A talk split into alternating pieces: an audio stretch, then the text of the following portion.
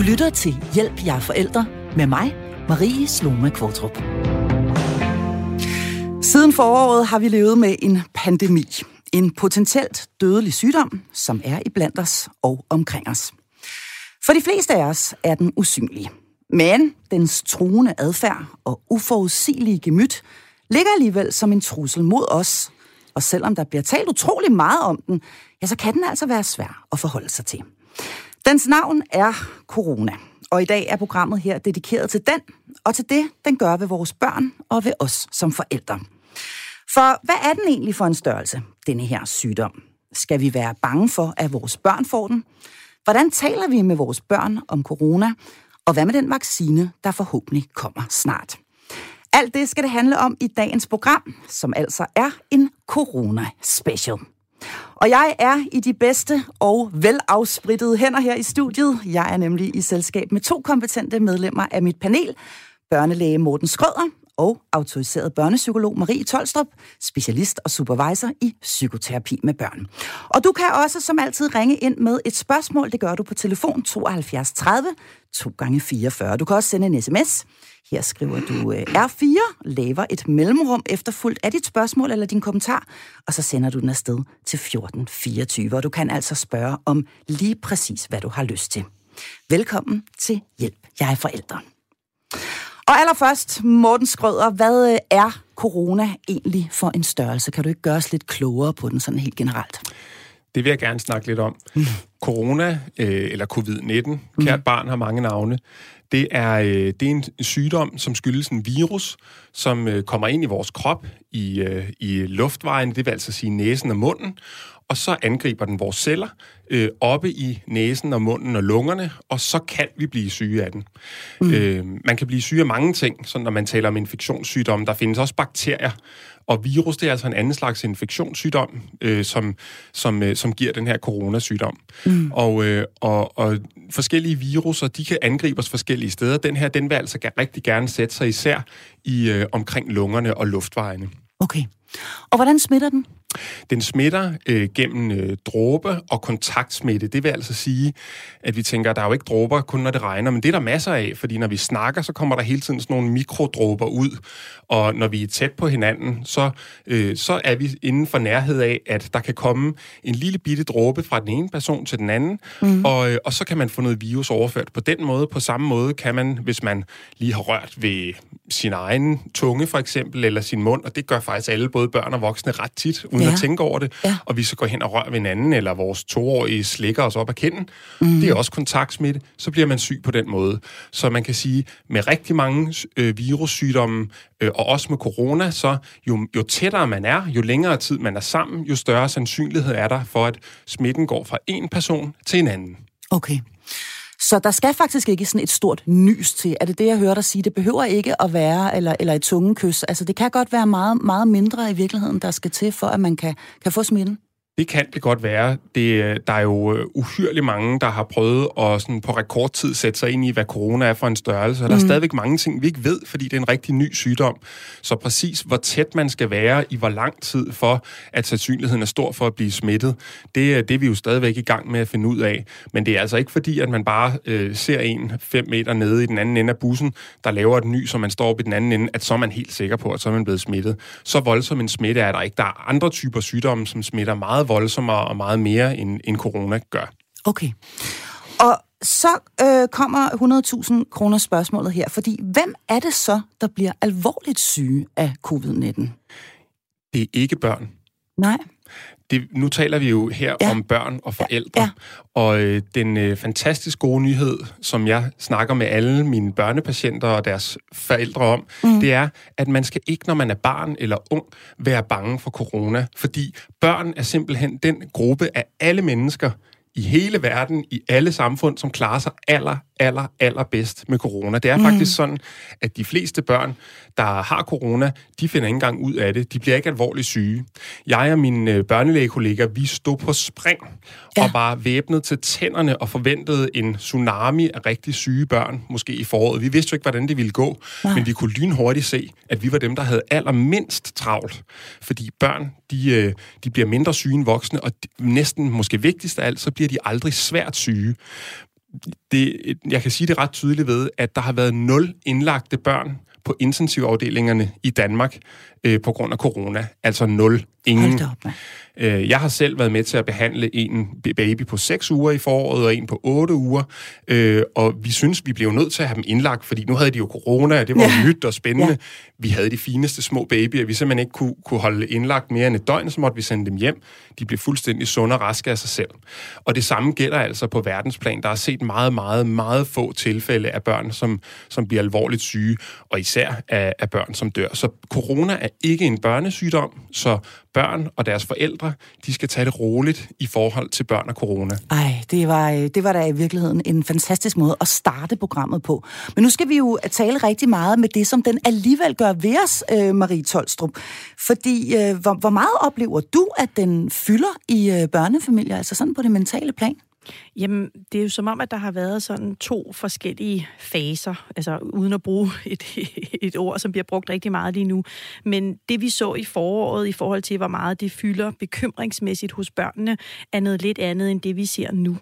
Øhm, fordi i foråret var det selvfølgelig, hvad er det her for noget? Øhm, er det noget, jeg kan dø af? Er det noget, jeg kan smitte andre med? Er det noget, som man som forældre bør bekymre sig for i forhold til ens børn?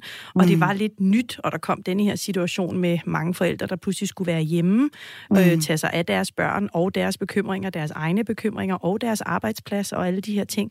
Så der var ligesom en, øh, hvad kan man sige, pukkel af ting, som fyldte meget hos børnefamilierne.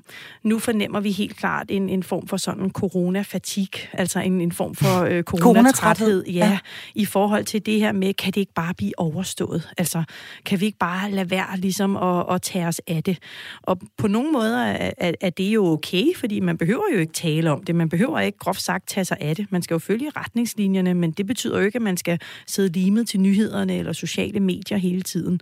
Øhm, så det, det er noget, der fylder, men på forskellige måder, og også når vi taler om enten børn, som ikke havde nogen udfordringer eller vanskeligheder før covid-19 mm. øh, ankom, så at sige, og så de børn, som har øh, eller havde vanskeligheder, I, mm. især i forhold til også for eksempel tvangssymptomer og sådan nogle ting. Mm. Kan man sige noget om, hvad, hvad sådan en, en, en udefra kommende trussel gør ved os som mennesker sådan helt generelt?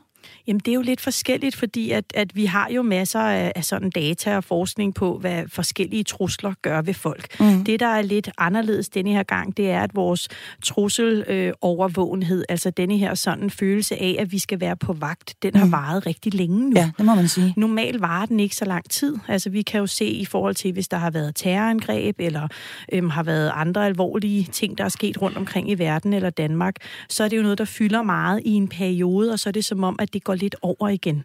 Men her, der er der altså tale om, ja, altså syv måneder efterhånden, ja. øh, med denne her sådan forhøjet overvågenhed omkring, hvad er det egentlig, der sker omkring mig som forældre og mm. mine børn, og hvad vi skal være opmærksom på. Og så også hele tiden de skiftende retningslinjer. Mm. Det er jo noget, vi må lære at leve med, men det er noget, som, som helt klart tager på folks øh, mentale helbred. Øh, at man ikke rigtig ved, hvad morgendagen bringer, og hvordan man skal gøre sig forberedt. Så der er både en angst for, hvad kommer der til at ske, Mm. Men vi hører også rigtig mange børn og familier være bekymret for, gør vi det rigtigt nok, eller mm. gør vi det forkert? Øhm, og så samtidig være trætte af det. Ja.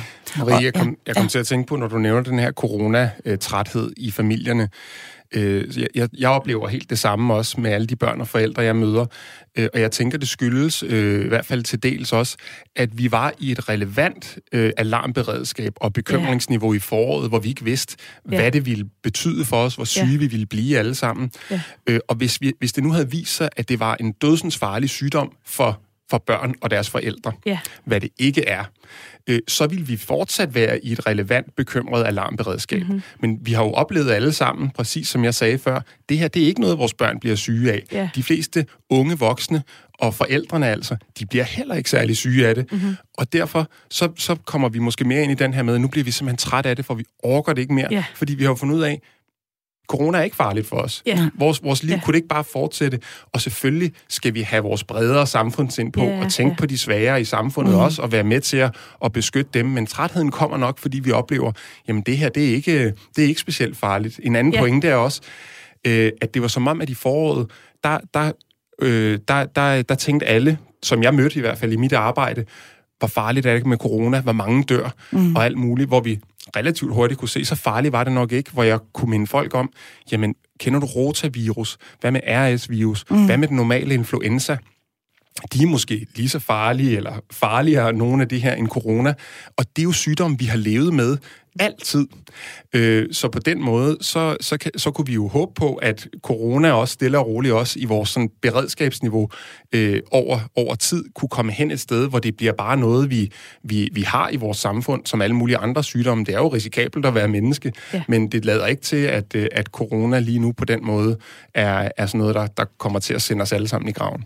Nej, og det der også, som vi også ser nu, det er, en ting er jo, at vi som sådan overordnet set oftere ser, at børn og unge altså er i mindre trivsel eller mere sårbare, om man vil, når de mørke vintermåneder ligesom mm. træder til, mm. og alle de her ting. Men vi ser også de sådan, hvad kan man sige, økonomiske konsekvenser for mange forældre nu. Der er ja. folk, der har mistet deres job. Øhm, der er folk, der nu har været hjemme og arbejde hjemme i mm. rigtig lang tid. Der bliver talt om denne her, altså sådan fravær af at være social og være sammen med andre, og mm. det er jo noget, der virkelig påvirker vores mentale helbred. Ja. Bare den der lille tur til købmanden, hvor man møder nogle forskellige og får sagt hej, eller får sagt hej og smilet til de andre forældre. Altså, der, på den måde er der jo rigtig mange store konsekvenser, som rammer børnefamilierne nu, ja. hvor folk netop, som du siger, Morten, kigger sådan lidt på, hvorfor er det, at det skal gå så vidt her, når vi netop ikke dør af det? Mm. Det er måske det, som der er nogen, der er frustreret over. Mm. Det vælter faktisk ind med uh, sms'er lige nu, og jeg vil gerne sige tusind tak for jer, der, til jer, der, der skriver. Bliv endelig uh, ved med det. det. Det gør du altså på R4, eller du skriver R4, laver et mellemrum, og efterfulgt af dit spørgsmål eller din kommentar og sender til 1424. Og lad os lige starte med et uh, helt lavpraktisk spørgsmål, som lyder sådan her. Hvorfor rammes børn generelt mindre hårdt af coronavirus end voksne? Ved man det? Nej, det ved man ikke. øh, der er mange øh, børnelæger, som er meget klogere end mig, som har brugt vildt meget energi på det. Øh, især, og, og, og, og så vidt jeg ved, så er der ikke nogen, der har en god forklaring på det endnu. Nå, det ved man simpelthen ikke. Nej, øh, vi, vi var især opmærksomme på alle de børn, som vi kender på hospitalerne, som har kroniske sygdomme. Især dem, som vi ved har et, et dårligt immunforsvar. For eksempel børn med kræft, som er i mm. behandling med kemoterapi. Der har vi medicinsk med, med den behandling, vi giver dem, stort set udryddet deres immunforsvar. Så vi var rigtig bekymrede for, om de ville blive utrolig syge. Selv de børn, de allermest sårbare, de allermest udsatte, de bliver ikke syge af det. Så det gælder både raske okay. børn og syge børn. Hvorfor? Det tror jeg ikke, der er nogen, der har nogle gode svar på endnu. Øh, og det er simpelthen fordi, øh, det er en helt ny sygdom, og det tager rigtig lang tid. Og her snakker jeg ikke bare dage, men men måneder og år at få kortlagt og undersøgt øh, sådan nogle ting her. Det er komplicerede processer. Vi ved det ikke, men vi er glade for det. Ja, og det er altså det, der er det generelle billede over hele øh, verden. Der er en til, øh, øh hvad hedder det, øh, sms her, som jeg lige, øh, og det handler om mental helbred. Det, det lyder sådan her. Kære panel, hvor meget information skal barnet have? Jeg har en niæse på 10, som er bange for, at vi alle bliver ramt af coronaen. Hun er bange for at miste sine bedsteforældre og er begyndt at agere betjent hen i skolen, hvor hun, efter, hvor hun er efter de andre børn, hvis hun ikke mener, de spritter ordentligt af eller vasker hænder. Hun er simpelthen bange for alting, og, vil gerne, øh, og vi vil gerne gøre hende trygge, tryg samtidig med, at hun er velinformeret. Kærlig hilsen, Sofie. Ja, og der kan man jo sige, det er vigtigt at skille mellem de børn, som har en generel bekymringstendens, altså som før covid-19 også kunne finde på at være lidt politibetjente i forhold til ting, som ikke blev gjort rigtigt, øhm, i forhold til bakterier og andre slags, og så dem, hvor det ligesom er blevet rigtig tydeligt under corona. Øhm, grunden til, at jeg siger det, er fordi, har man et barn med en generel bekymringstendens, skal man selvfølgelig holde øje med, at det her er noget, vi skal have noget hjælp til. For det er faktisk rigtig nemt at behandle øh, børns øh, bekymringer, hvis de bekymrer sig for meget, hvis de vel at mærke er folk, der, der ved, hvad de laver. Men har man en 10-årig, hvor at det er noget, der er blusset op nu og her, så skal man gøre det short and sweet. Man skal simpelthen kun svare på de spørgsmål, man får stillet. Man skal ikke svare ud over det. Man skal sørge for, at nyhederne ikke kører i loop i baggrunden, og at man ikke står i køkkenet både morgen, middag og aften og taler om dagens dødstal, og at man i det hele taget altså lidt sådan prøver at begrænse sin egen sådan, hvor meget det fylder derhjemme. Altså jeg plejer lidt for tiden at sige, at du behøver jo egentlig kun kun følge med i corona, når der er et pressemøde, hvis det er, at du skal begynde at gøre noget anderledes i forhold til retningslinjer og sådan nogle ting. Mm. Ellers behøver du jo faktisk ikke at følge med i, hvad der er, der sker. Nej. Øhm, skal og... børn se de her pressemøder? Nu her, der snakker vi en 10-årig. En 10-årig, Ej, det, det, er, det er alligevel nej. et relativt lille barn, ikke? Ja. Det er en 3. 4. klasse. Altså man kan sige, generelt siger man, at børn under 6 år bør slet ikke se nyheder. Nu er der jo kommet noget, der hedder Ultranyt, som jo er på godt og ondt noget, der kan være med til at sparke rigtig mange bekymringer i gang. Jeg vil sige, lige her for tiden kan jeg slet ikke se, at børn skal holde sig orienteret om, om nyheder omkring corona, for det er svært for os voksne at navigere i og forstå, og hvis man selv synes, det er svært, og man bliver lidt sådan forvirret af de forskellige, hvad kan man sige, informationer, der kommer, så skal man måske gange det med 26, og så har man, hvordan det vil være for et barn. Okay. Så en 10-årig bør bestemt ikke se nyheder. Okay, hvad siger du, Morten? Jeg vil egentlig bare supplere din uh, tommelfingerregel med short and sweet, og så sige i forhold til det, the sweet thing, den søde ting, så, så noget, jeg tit bruger meget energi på, og det er ligegyldigt, om det er corona eller alle mulige andre sygdomme, det er at fremhæve alle uh, de gode ting og de positive ting, der er. Og der igen, der er mange ting, hvis man har lyttet med her, så ved man nu, at corona er ikke farligt for børn, så man ja. kan sige til sit barn, øh, der er ikke nogen grund til, at du er så bekymret, fordi Nej. børn er dem, der klarer det allerbedst, mm. og din krop er stærk, og du kan blive rask af corona, hvis du bliver syg. Det kan din far og mor også. Mm. Øh, og så er det selvfølgelig rigtigt, at dem, der bliver syge af corona, det spurgte du om til helt i starten, og jeg svarede ikke på det, men det er, jo ældre man er, og jo mere svag og andre sygdomme man har, jo farligere er det. Især hvis man er over 80 år og er rigtig syg mange steder i kroppen. Det, det er alligevel de færreste. Har den her pige sådan ja, en, en, en bedst, mormor, en mormor eller, eller en ja. morfar, ja. så er det klart, så skal man have nogle rigtig, rigtig klare øh, regler om, hvordan man sørger for at er sammen eller ikke er sammen, og isolation, indtil det sker. Men så kan man jo sige, du skal ikke være bange for dig selv, for dine venner, for din fodboldtræner eller for mor og far. Corona, det er noget, vi sagtens kan klare. Mm. Og prøv at se, nu har vi levet med corona i syv måneder. Vi har det rigtig godt alle sammen. Ja, det er rigtigt nok, fordi man kan sige, lige præcis denne her, som jeg lige vender tilbage til igen, Sofies øh, sms her, der er der jo tale om en pige, der simpelthen er bange for potentielt at komme til at slå sine, sin forældre ihjel. Ja. Altså hun er bange for at komme til at tage smitte ja. med hjem. Og være ja. den her smittebombe, som mange ja. børn bliver bekymret for. Præcis. Og, og det er lidt det, vi kan se, er, at bekymringstendensen hos børn er ikke nødvendigvis så meget på eget helbred, men mere, hvad hvis jeg er denne her smitteperson, der render rundt, og uden jeg ved det, så kan jeg smitte alle andre ja. mennesker. For så bliver det sådan lidt uhyggeligt, og det, det bliver er lidt også uhyggeligt. Øh, us- usynligt og sådan nogle ting. Men igen, luk den ned. Altså Sofie undskyld, Sofies datter der, skal ikke, mm. får ikke noget godt ud af at rende rundt og lege øh, coronapoliti over i skolen. Der må man gerne, som vi har været inde på i andre programmer, give hende belønning for at lade være. Prøv at høre, i dag der fik jeg lyst til at sige til de andre, hov, du vasker ikke hænder nok, men jeg lå mere, mor, hvor er du sej, du får lige en stjerne, eller du får lige Nutella til morgenmad, eller hvad det nu kan være. Man må altså godt gå ind og belønne, når hun kan lade være med at gøre noget, som hun gør, fordi hendes angstniveau stiger. Hun ja. prøver at dæmpe angstniveauet ved at kontrollere de andres adfærd. Ja. Og det er jo også det, vi kan se og hos det kender voksne. vi jo godt. Ja. Præcis, der er jo ja. coronapoliti overalt, ikke? Altså ja. lige fra sure blikke, for nu kan man jo ikke se deres mund, hvis de har maske på, men altså sure blikke med folk, der kommer ind uden masker på. Men ja. jeg ved også, ja, ja. Og på faktasiden kan man supplere med, at selvom der igen er meget uvist, så ser det indtil videre ud til, at børn ikke heller er store smittebærere, altså at det mere er en voksensygdom. Så okay. man, man antager ikke lige nu, at børn er de værste smittekærebærere, altså kan være de her smittebomber, som, som øh, usynligt og hemmeligt tager det med til en bedstemor. Er det muligt? Ja, det er muligt, men børn er ikke dem, der bærer allermest på det. Og det er også meget rart for Sofie og hendes, mm. og hendes mor at vide. Ja. Men, men ved, er, det, er det virkelig sådan, altså, at, at, øh, at, at, at et barn ikke, ikke bærer virus lige så meget, som et voksen menneske gør? Ja, jeg sad lige og læste på det i går aftes, og igen, det man, det man ved indtil videre, der, øh, der, der antager man klart, at, øh, at børnene bærer mindre på det, og dermed smitter mindre end, end voksne ældre individer vil gøre, mennesker vil gøre. For vi var jo der i foråret, hvor bedsteforældre ikke måtte se deres øh, børnebørn, og det var jo øh, det, det, øh, det var en forfærdelig tid for ja. rigtig, rigtig mange. Jeg ved det fra mine egne øh, forældre, at det er jo hårdt ikke at kunne få lov til at kramme dem og ligge med dem, som ja. man plejer at læse godnathistorie, eller hvad det nu er, man gør. Hverdagen forsvandt ja. øh, for rigtig mange øh, bedsteforældre og deres børnebørn, og, og, øh, og det, det sidder måske i virkeligheden i mange, denne ja. her med, jeg må ikke nærme mig mormor, eller jeg må ikke nærme mig ja. farfar, eller hvem det er. Jamen, man kan også sige, uanset, så er det slet slet ikke hendes ansvar. Hun er 10 år gammel.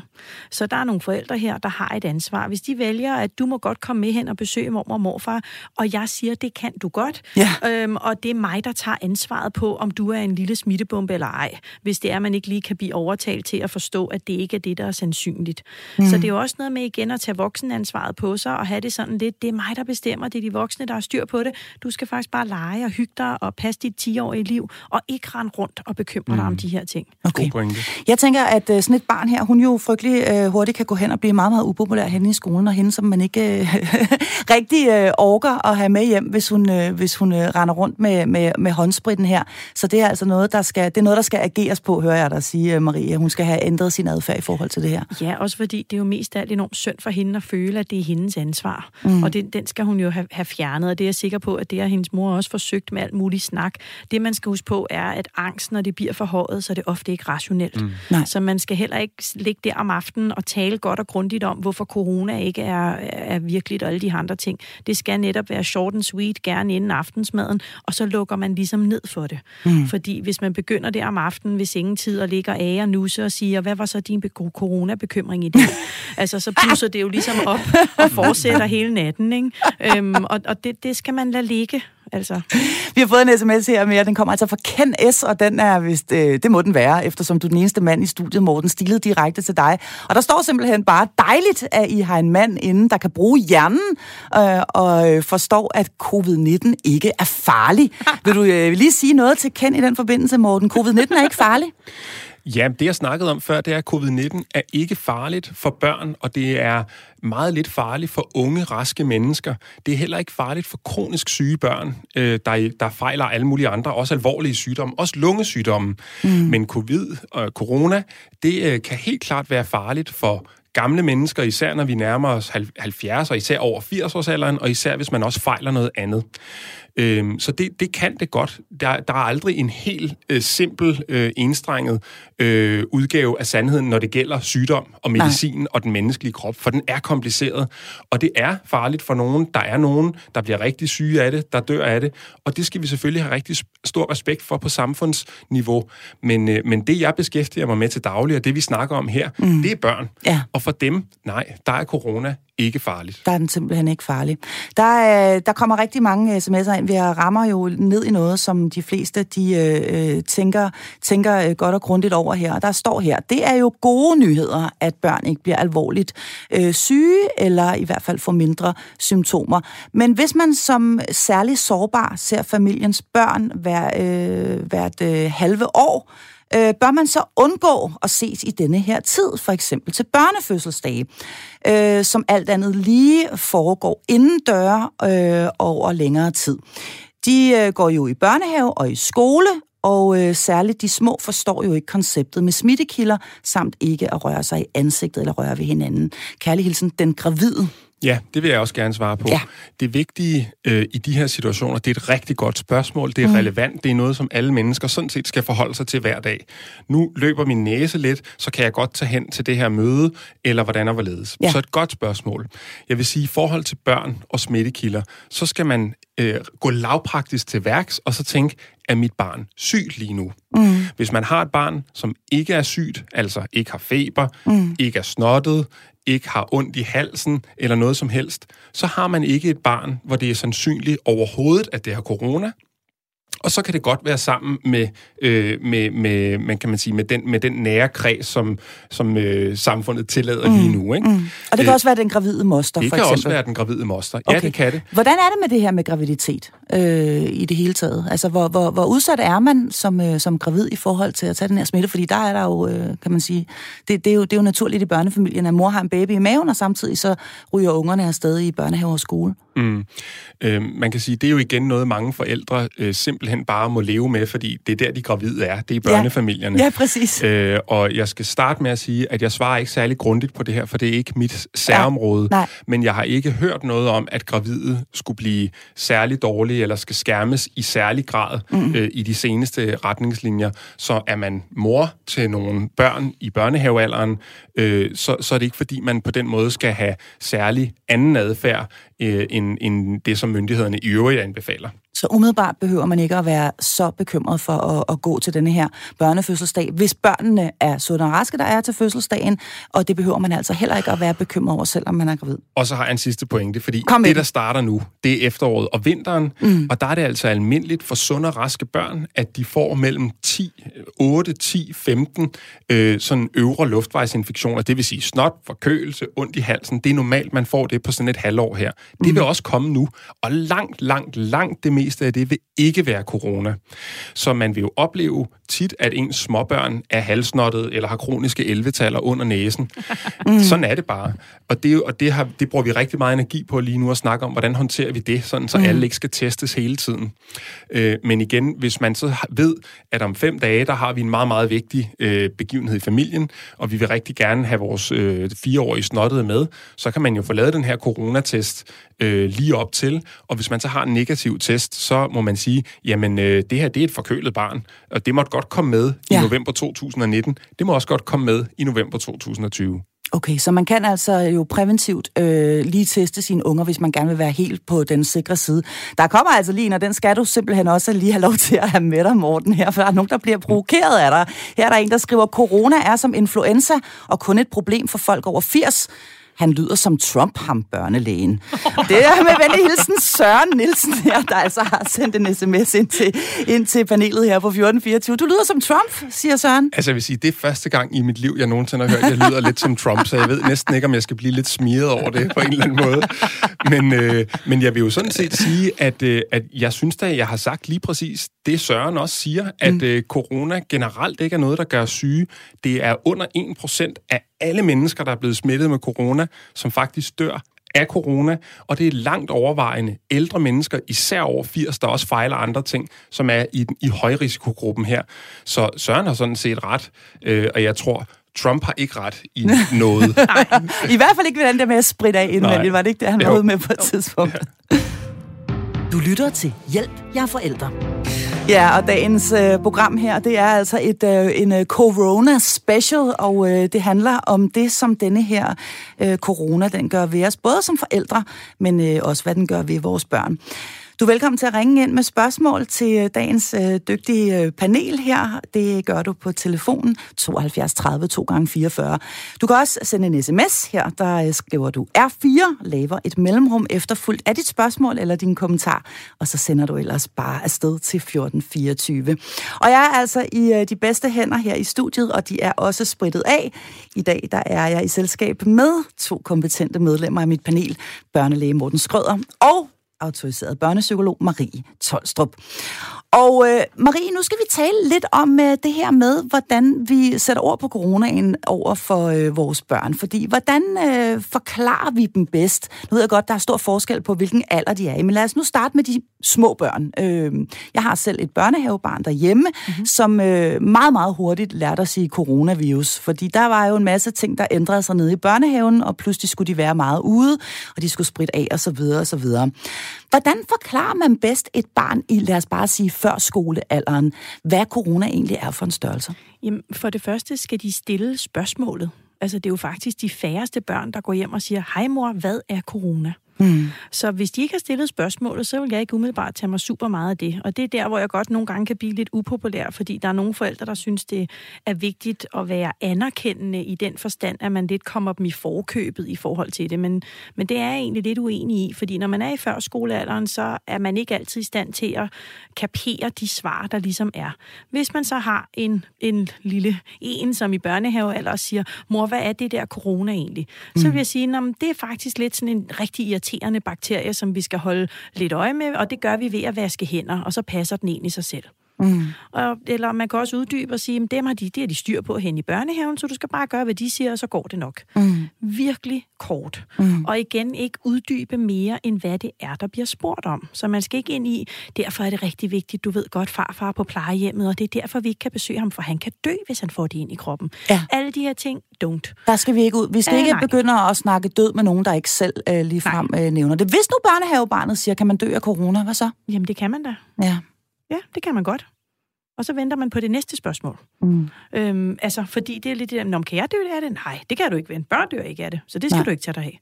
Og igen, hvis man bliver ved med at fortsætte, så er det okay, man siger, ved du hvad, det her det er faktisk en voksen bekymring. Mm. Det er ikke noget, du skal tage dig af. Altså, man begynder jo heller ikke, når børnene siger, mor, hvad er det? Og peger på en bil. Så siger man jo heller ikke nødvendigvis, det er en bil, den kan køre folk ihjel. Hvis du går over for rødt, bum, så bliver du ramt af en bil og dør. Altså, der er noget med ligesom at prøve at gøre det sådan lidt relativt i forhold til, hvad er det, barnet spørger ind til? Hvad kan barnet kapere? Og hvad for noget er vores bekymringer som forældre? Mm. Og hvad for noget er egentlig barnets bekymringer? Mm. For børnene render jo ikke rundt over i børnehaven og taler om corona med hinanden. Nej, det gør de ikke, men de hører jo rigtig meget, de her små. Og, de, de, og, de, og de, de har jo øh, ofte store ører, og, ja. og, og kan jo også høre, som du også var inde på lidt tidligere, mor og far, måske være bekymret for deres arbejdsliv, ja. eller for deres forretning, eller hvad ja. det nu må være, deres økonomi osv. Ja. Så de, de, denne her corona-bekymring, ja. kan man sige, den kan jo være svær at skåne dem sådan fuldstændig for i hvert fald. Ja, og det er jo heller ikke, fordi de skal skånes på den måde, men man skal bare være opmærksom på, hvor taler man om det henne, og hvor meget taler man om det. Mm. Fuldstændig ligesom, hvis man har andre livskriser. Hvis man står i og skal skilles, eller farfar er syg, eller der sker andre ting, så står man jo heller ikke og diskuterer det i køkkenet foran ungerne, som er små, eller ungerne i det hele taget, vil jeg sige, fordi det er noget, der er privat, det er noget, der er voksent, og det er noget, man tager på et andet tidspunkt. Så man må godt øh, som voksen sådan ligesom være opmærksom på, hvornår er det, jeg taler om de her ting, som bekymrer mig, og ikke hele tiden have breaking news kørende i baggrunden, og små alerts, der popper op på telefonen. Nu er der godt nok 1043 smittet i går. Det var det højeste. Hvis det er det, man vågner op til, det er bare ikke super godt. Så lad være med det. Okay, så øh, det der med, at vi overfører vores egne bekymringer til børnene, den øh, gælder i øh, den grad også her på det her område, kan, ja, jeg, kan jeg høre dig sige. Lige præcis. Hvad så med, når de rammer skolealderen og begynder at stille mange flere spørgsmål? Fordi det gør de jo altså helt naturligt. Ja. De lidt større børn, de skal ja. vel også have lidt mere at vide, eller hvordan? Altså nu vil jeg jo bede dem om at lytte til det her program. Mm. Og så kan de jo ligesom blive kloge på det på den måde, især i forhold til alt det, som, som Morten har givet af god information. Øhm, men, men generelt set er det igen det her med, altså fordi det gode er, så meget ved vi jo egentlig ikke om det, så det er det her med, at det er en altså, det er noget, du skal passe på, det er noget, vi alle sammen skal holde øje med, der er retningslinjer, men hvis du gør det, så skal det nok gå. Altså, hvor meget vil man tale om en influenza, groft sagt? Altså, mm. det er ikke, fordi vi skal bagatellisere det, men igen, hvor meget kan vi blive ved med at tale om det? Øhm, og, og der vil jeg igen forsøge at lukke den lidt ned. Øhm, det, det er også det, altså i forhold til de skolelærer, jeg har været i kontakt med, og, og andre undervisere, der har det også været noget, hvor vi ligesom har været ude og sige, prøv også at passe på med, hvor mange opgaver laver I om, øh, hvis du kunne finde en kur mod corona, eller mal coronamonstret og de her ting, fordi så har man bare slet ikke fri for corona. Det er jo vigtigt at have et frirum, hvor man ikke tænker på det, fordi vi kan ikke gøre noget ved det lige nu.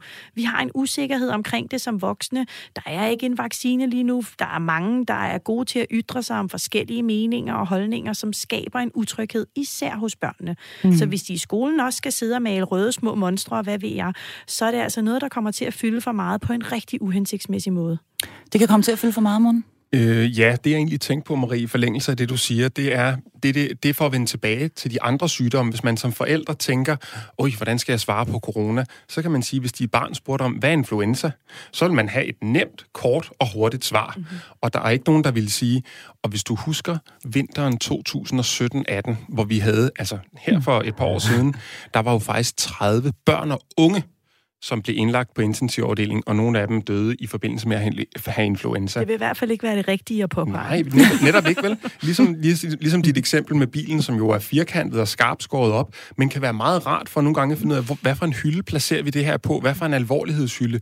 Så kan man sige, jamen corona som sygdom for vores familie, lille familie her, den er ikke farlig overhovedet. Så kan man måske sige, men det er rigtigt, at hele Danmark og hele samfundet og hele verden er blevet helt skørt af corona lige nu, og derfor må vi ikke gå på arbejde, så kan man tale om alle de her, kan man sige, ikke sundhedsmæssige ting, mm-hmm. men, men hvad skal man sige, de afledte samfundsmæssige konsekvenser. Ja. Og så sige, men det hele er altså blevet lidt skørt lige nu, og derfor skal vi være hjemme. Det er fordi, det er nyt, og vi ikke kender så meget til det, så vi skal lige finde ud af, hvordan vi gør med corona øh, hen ad vejen. Men det er ikke farligt for os, og bla bla, så kan man snakke om, omkring ja. de til, ikke? Og ja. det, det vender igen tilbage til short and sweet, mm-hmm. og ikke nogen grund til at overdramatisere børn, Nej. hverken over for små børn eller lidt større børn, for corona er ufarligt for børn og deres øh, forældre. Der er altså nogen, der bliver voldsomt øh, provokeret øh, af dagens øh, udsendelse her, og jeg har fået øh, denne her besked, der lyder sådan her. Helt ærligt, det er sørgeligt at høre på, hvordan denne pandemi bliver bagatelliseret.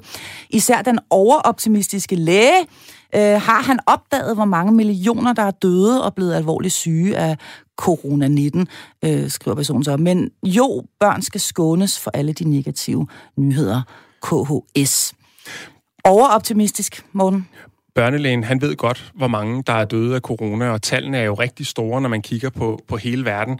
Man skal samtidig se på, hvad folk ellers døde af i samme periode.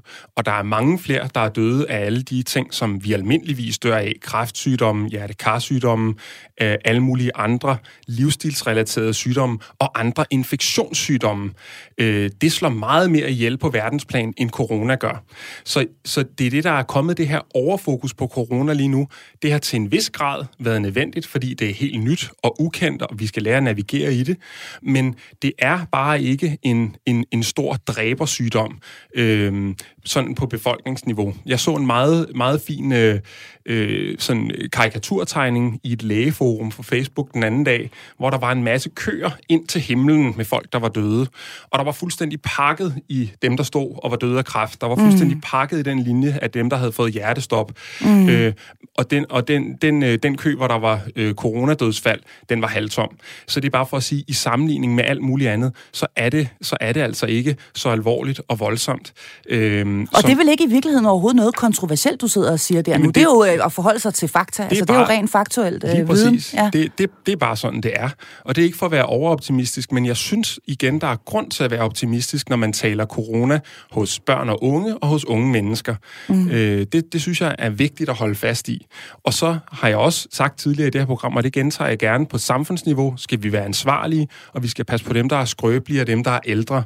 Men, men, det er, øh, men, men man kan sige, det, det, det er den aldersgruppe. For børnene og de unge, der, øh, der, ved jeg, der ved jeg rigtig meget om det, og der, øh, der er der altså ikke grund til den her store bekymring. Nej, og det er jo faktisk virkelig dejligt. Der kommer rigtig mange sms'er ind her, som sagt, og der er en her fra Pernille, som skriver, jeg kan huske, da jeg var lille og spurgte min mor, hvorfor klumpfisken var død, hvor til hun svarede, den glemte at trække vejret. Jeg var 4-5 år, og det hjalp bestemt ikke. Jeg var bange i flere år frem. Tænk, hvis jeg kom til at glemme at trække vejret. Ja. Marie Tolstrup? Jamen, og der, altså, det, det er faktisk noget, jeg møder øh, en del børn, der kan være bekymret for, hvordan, hvad hvis nu jeg glemmer at trække vejret? Hvad hvis ja. nu jeg pludselig kommer til at glemme at gøre det? Kan jeg så besvime? Kan jeg så dø? Mm. Øhm, og, og det er klart, det er noget, som kan sætte sig hos, hos børn, sådan en oplevelse der. Mm. Og det er jo også derfor, at det ikke er måske den måde, man nødvendigvis skal formidle det videre på. Mm. Men faktum er jo, For vi at, glemmer jo ikke at trække vejret. Nej, det vil mennesker. være højst usandsynligt. Ja. Og øh, selv i de tilfælde, så vil vi jo besvime, og det er jo smadret smart, for så vil vi jo vågne op, når vi var færdige med det. Ikke? Mm. Så man kan sige, på, på den måde, der kan det være lidt vigtigt her igen at, at, at skyde den lidt til højre og sige, jamen, jeg ved faktisk ikke, hvorfor guldfisken døde. Det kan være, at den var gammel. Mm. Øhm, det må måske være derfor. Men igen ikke være så bange for det øh, og tale om det, fordi børn vil jo vokse op og kende nogen, som dør. Altså som vi også havde et fint program om i mm. forhold til, hvordan taler man med sit barn om døden. Ja. Øh, det der med at være ærlig, men selvfølgelig ikke at gå ind og over øh, forklare alle de her forskellige ting. Og der kan man jo sige, der har vi her en oplevelse, hvor Pernille, hun kan gå ind og forklare noget andet ja. i forhold til, hvad hun synes, der hjalp hende. Nu skal vi tale om noget, som jo øh, øh, der ikke er nogen som helst børnefamilier i Kongeriget Danmark, der undgår nemlig skuffelserne i denne her tid. Fordi det er jo altså tid for aflysninger, og det er både stort og småt. Men sikkert er det, at det er øh, aflysninger af en masse ting, som vores børn havde glædet sig til. Så skuffelserne, de står nærmest i kø. Det er fødselsdage, det er klassefester, det er rejser, det er studieture, det er udflugter, det er gæster, det er koncerter, det er konfirmationer. Det hele bliver aflyst og ja. bryllupper. Ja. Hvordan håndterer vi denne her skuffelse hos vores børn? Og jeg er jo nødt til at starte med at spørge dig, Marie Tolstrup. Jamen, altså, hjemme hos os, der er der ret ofte, nu har jeg unger, der har fødselsdag her i efteråret, og her forleden, da den ene fik at vide, at vi altså ikke kunne holde den her kæmpe børnefødselsdag der, hvor han havde drømt om det, på grund af øh, corona-retningslinjer, så råbte han op, jeg hader den lort corona, kan den ikke bare snart dø? og, og det vil jeg så sige, det har du fuldstændig ret i. Corona er er der også jordens største lort. Og så gik vi lidt og gik amok over det, og så var jeg sådan lidt, men sådan er det, ven. Der er ikke så meget, vi kan gøre ved det. Nej. Altså, det er jo noget med ligesom at være i det sammen, og, og være vred på corona sammen, uden at gå ud i, men siger du, det er jo vigtigt, for ellers dør folk. Altså, den, den pointe, den kan man godt bare lade ligge. Mm. Men det der med at være i frustrationen, ligesom hvis man ikke fik, øh, altså uden at ja, gøre det alt for bagatelliserende, men hvis man ikke fik den koncertbillet, man lige havde håbet på, eller det nyeste spil, der er kommet ud, eller den rigtige dukke, eller hvad ved jeg i julegave, så er det jo at være anerkendende omkring, det har du ret i, det er noget værd lort. Men ved du hvad, vi kommer til at få en fødselsdag på et andet tidspunkt, og så lover jeg, så kommer den virkelig til at sparke røv, så at sige. Så udskyde? og udskyde, og, og så udskyde en gang til, eller, eller hvad? ja, man kan sige, et andet kan man sige, øh, greb omkring det der, det er ligesom at, at normalisere det. Yeah. Ikke? Og, og bare være konstaterende også omkring, øh, igen, det har ramt hele Danmark og samfundet og verden, og sådan er det bare lige nu. Surt show, som mm-hmm. du siger, eller yeah. mega lort, eller hvordan man vil udtrykke det. Men, men det gælder også for mig, og det ja. gælder for ham der, og det gælder for hende der, og det gælder for dine venner, og det gælder for alle der er børn jo enormt gode til lynhurtigt at indordne sig under den sociale norm. Så det med ja. at, at forklare, der er ikke nogen, der er ude efter dig. Corona er ikke ude efter at ødelægge kun Nej. din fødselsdag. Det er mega synd for dig, ja. men det, det er altså noget, der gælder for os alle sammen. Ja. Det, det er en virkelighed, som, som børn lynhurtigt kan, kan acceptere. Ja. Jeg, øh, der er kommet uh, endnu en sms til dig, Morten. Jeg er nødt til at sige, at uh, det her er det en uh, sms, hvor der står, uh, Morten, Gravide betragtes som særligt sårbare og i risikogruppen. Det er heller ikke alle gravide, der har børn i forvejen. Og det var jo nok i øh, relation til den, der kom lidt tidligere med den gravide, der var lidt bange for at gå til børnefødselsdage. Mm. Så øh, gravide er altså i, øh, i risikogruppen og skal øh, betragtes som særligt sårbare. Ja, ligesom også, øh, kan man sige, børn med kronisk sygdom er. Mm. Øh, det jeg bare sagde før, det var, at et, det er ikke det, jeg er ekspert på, men to, jeg har heller ikke fået med mig nogen steder fra mine kolleger, at gravide øh, får svære, alvorlige sygdomme, øh, coronarelateret. Så ja, selvfølgelig skal man følge de retningslinjer, der er, og passe, øh, passe på øh, som en udsat borger, men der er ikke store rapporter om, at, øh, at, det, er, at det er meget skadeligt og farligt for, for de gravide. Men tak for inputtet. Hvad med vores egen frygt? Fordi nogle af os er jo altså regulært bange for at få corona inden for dørene. Hvad gør vi, hvis vi selv er bange, og hvordan takler vi det i forhold til vores børn? Øh, Jamen, Marie? Man skal jo altid have styr på sin egen angst og sit mm. eget ubehag, fordi det er jo noget, børnene virkelig kan spejle sig i. Præcis. Og lige nu tænker jeg også, at rigtig mange familier er presset, og at angstniveauet i forvejen ligger lidt højt, fordi man prøver på at navigere i den her usikkerhed. Der er mange, der er hjemsendte, der er mange, der prøver at få hjemmearbejdsplads og børn og hentning og alle de her ting op at stå, og, og det øger altså presset på parforholdet, ja. på familien og mange andre ting. Har man en bekymringstendens, så er det jo vigtigt at få styr på den i den forstand, at den ikke kommer til at påvirke børnene negativt. Mm. Og der er nogen, der har brug for behandling af denne her bekymringstendens. Igen er det jo rigtig heldigt, at der findes rigtig god behandling og nem behandling. Mm. Øhm, og, og så ellers sørge for, at det ikke er det, der ligesom skygger det hele, og at man ikke går lange coronature med sine børn, hvor man taler om netop alt det forfærdelige, som corona er skyld i. Fordi det er bare uhensigtsmæssigt. Mm. Øhm, og, og det jeg også tænker, som jeg også lidt kan høre på sms'erne, som rammer folk i forhold til, hvad, hvad Morten siger, det er det her med, at jamen, der er jo noget fakta, som faktisk er positivt, men der sker også noget i folk, at enten så er de kampberedte mm. og klar og frygtsomme i forhold mm. til at, at stå imod corona, eller også er de bange for at slappe for meget af og simpelthen glemme at tage hensyn. Og det er lidt denne her sådan øh, balancegang, som mange kan have svært ved at navigere i, fordi det er også lidt det her med, hvorfor hænger der skilte over alt, og vi ved det jo godt, og så er der samtidig også folk, der sådan, hvor jeg er glad for, at jeg bliver mindet om det, for ellers kunne jeg faktisk være i tvivl om, hvad jeg mm. skulle gøre her. Så der er et, et forhøjet øh, beredskab og angstniveau hos rigtig mange for tiden, fordi folk troede nok ikke, det ville vare så længe. Nu Nej. kommer mørket, nu kommer de sene nætter, og, og hvordan kan man egentlig blive ved med at overleve i det her? Det tror jeg, der er mange, der bekymrer sig om. Mm. Og vi skal altså også lige omkring de børn, som er ængstlige i forvejen, eller måske øh, decideret angst, eller lever med en angstledelse. Fordi det her, det må jo alt andet lige være noget, der, der kan skubbe dem i en, i en forkert retning. Ja, altså når man taler om angst og udvikling af angstlidelser hos børn, så er det aldrig én faktor alene, som gør sig gældende, men man kan tale om nogle udløsende faktorer. Mm. Og der har vi da helt klart sådan rent klinisk inde i, i min praksis, der har vi da set rigtig mange børn, hvor det ligesom har været det sidste skub, ja. de her bekymringer omkring corona. Øhm, og, og der er det jo igen, det er altså nemt at behandle, selvom man er midt i pandemien, fordi at her lærer vi børnene, jamen hvad er det, du giver opmærksomhed her? Hvad er det for noget øh, tankevirksomhed, du ligesom går rundt og bliver ved med at, at hive fat i, og hvordan lærer du at lade det være, uden at ignorere det, og heller ikke mm. at skubbe det til side, men simpelthen være i det, uden at du bliver negativt påvirket af det i den grad, som du gør nu. Så, så børn, der måske i forvejen har en, en, en, en OCD-diagnose eller en anden angstlidelse, de, øh, dem skal man være ekstra ops på i, øh, i øh, denne her tid, hvor, hvor der er en pandemi? Ja, man kan sige, at i forhold til OCD, der er der faktisk nogen, som i starten af, af nedlukningen egentlig blev lidt lindret for pludselig, hvis de var bakterier, øh, tvangshandlinger og tvangstanker, så fandt de egentlig ud af, at nu skal alle spritte af. Nu skal mm. alle gøre det, som jeg synes er vigtigt. Apropos det, der blev nævnt med pigen, der, der havde lyst til at gå rundt og sørge for, at alle skulle sprittes af. Jeg siger mm. ikke kun OCD, men bare Nej. i forhold til det eksempel. Øhm, så der kom for nogen en lindring, men i og med, at den har stået på så længe, som den har nu, øh, altså ja, de her forskellige restriktioner og denne her overopmærksomhed på bakterier og smitte, så er det noget, vi ser, der helt klart er med til at påvirke øh, dem, der allerede har øh, udfordringer i forhold til angstlidelse og OCD negativt. Mm. Og hvad øh, skal vi som forældre være opmærksom på i forhold til vores børns øh, helbred og trivsel i denne her tid? Jeg starter lige over hos dig, Morten. Er der noget, vi sådan skal være ekstra opmærksom på, når nu de kommer hjem med snotnæser alle sammen? Fordi det gør de jo her i efteråret.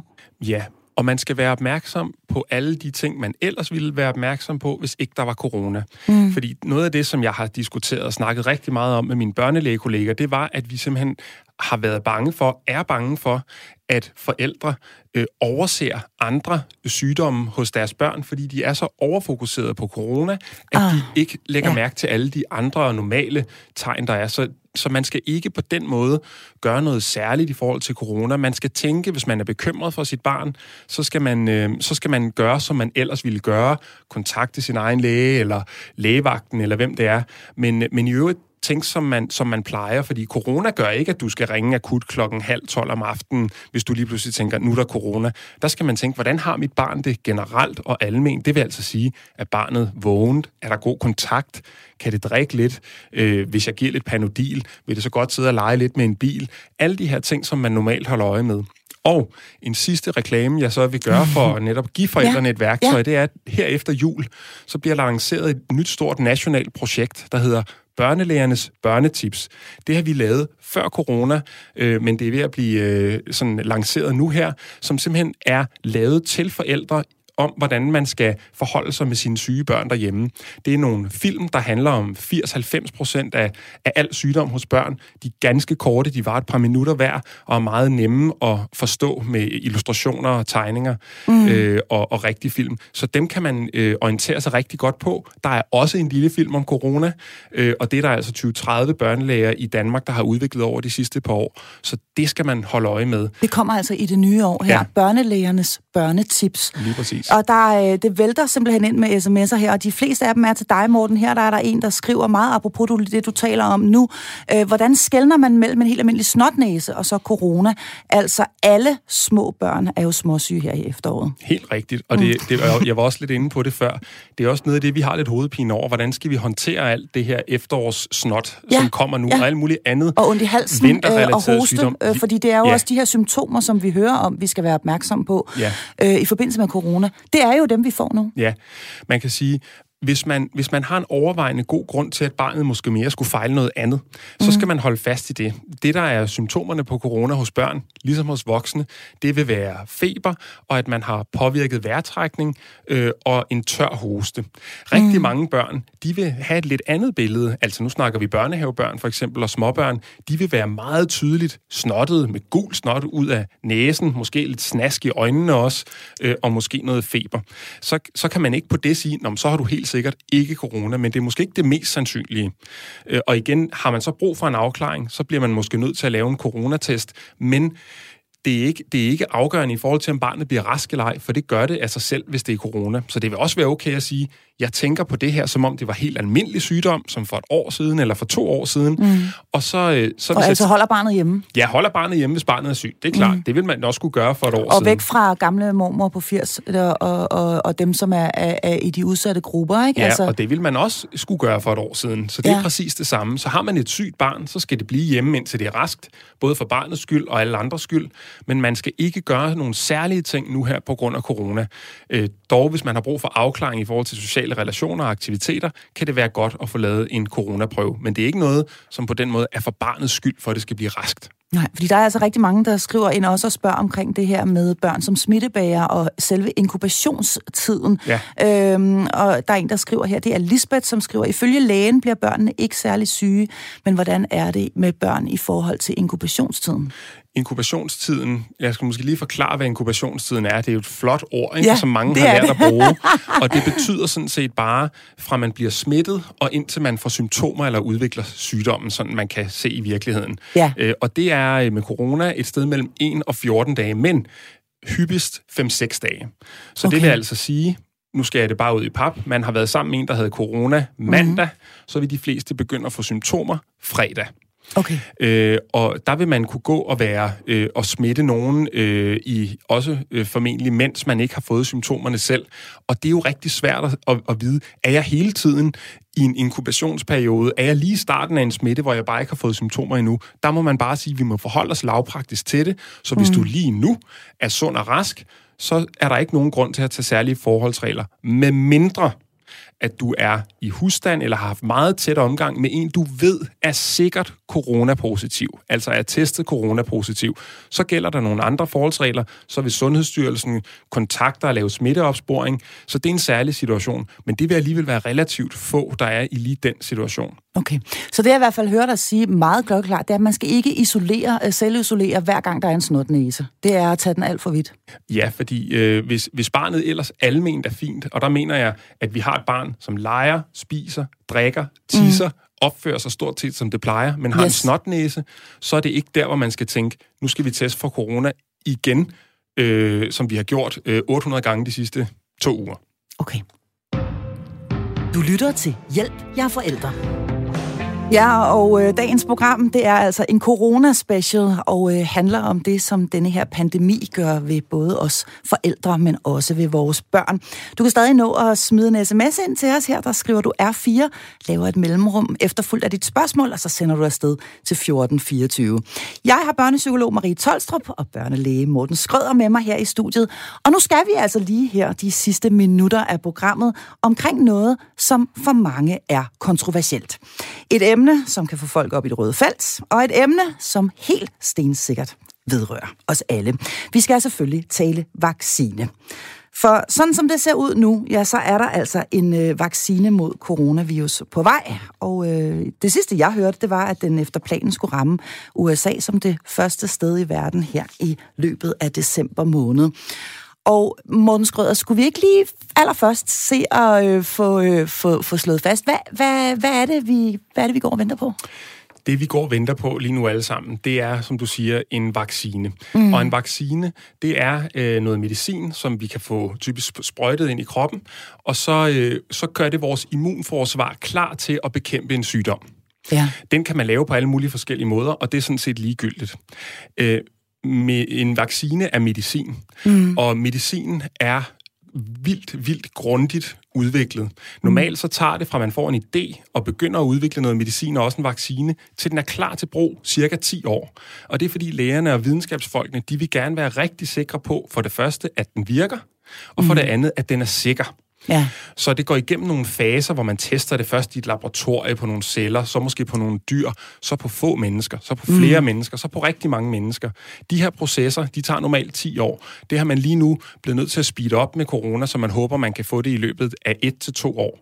Mm. Øh, men, men det er altså det her, der er i gang lige nu, og der er rigtig mange forskellige firmaer, som er ved at udvikle vacciner. Jeg tror, der er øh, over 49 forskellige øh, hold, som udvikler vacciner for tiden og tester dem af. Hvornår... Og det er jo selvfølgelig også, fordi der er en må være en kolossal økonomisk, øh, og en økonomisk gevinst Gulerod, selvfølgelig også forbundet vildt, ved... Ja. ved øhm, så, så denne her øh, vaccine, som øh, angiveligt er lige på trapperne, ved vi overhovedet på nuværende tidspunkt noget om, hvem der i givet fald ville skulle have den? Nej, det tror jeg ikke er helt afklaret endnu, men det, der er oplagt, øh, og som vi, hvor vi plejer at bruge vacciner, det er til, til dem, der er i særlig øh, risiko, har særlig brug for en vaccine. Så jeg kunne forestille mig, at man især vil give det til dem, der er i risikogruppen, altså kronisk syge og ældre. Mm, okay, så øh, sådan som det ser ud lige nu, så ikke noget i sol, måneder og stjerner på, at vi skal til at vaccinere vores børn mod corona? Jeg har ikke hørt noget om det i hvert fald. Nej.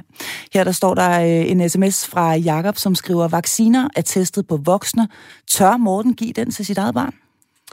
Øh, det er rigtigt, at øh, som børnelæge har man meget, meget tit det problem, at noget medicin, vi simpelthen er nødt til at give børnene, det er ikke testet af på børn, fordi der er nogle rigtig strenge etiske krav til, hvordan man tester medicin af. Så, så en del medicin, det, det, der, der kan man sige, der er det med ryggen mod muren, at vi er nødt til nogle gange at behandle børnene med det. Mm. Og det er rigtigt, at næsten al medicin er, er lavet på voksne. Så, øh, så jeg tror ikke, at, at jeg ved nok om en vaccine til, at jeg kan rådgive om det endnu. Nej. Okay, og det blev altså de uh, sidste ord her i uh, dagens Corona-special. Stensikkert er det, at uh, det langt fra blev de sidste ord i lige præcis den sag. For den er altså flyttet ind i vores samfund, og dermed også i vores familier, denne her virus. Og vi bliver nødt til at lære at leve med den, og lære vores børn at leve med den. Det gode er, og det har vi så lært i dag, at corona er ikke en børnesygdom, og at vi forhåbentlig ligesom det har været med andre pandemier gennem historien, kommer igennem den. Og så er der altså kun tilbage at sige tusind tak for i dag. Tak til børnelæge Morten Skrøder og børnepsykolog Marie Tolstrup, som gjorde os klogere i dagens program. Og næste fredag, der er emnet afhængig af skærm. Et øh, super spændende emne, og du kan allerede nu skrive ind til os på hjælp radio4.dk, og det er altså H-J-A-E-L-P. Tusind tak, fordi du lyttede med, og rigtig, rigtig god weekend.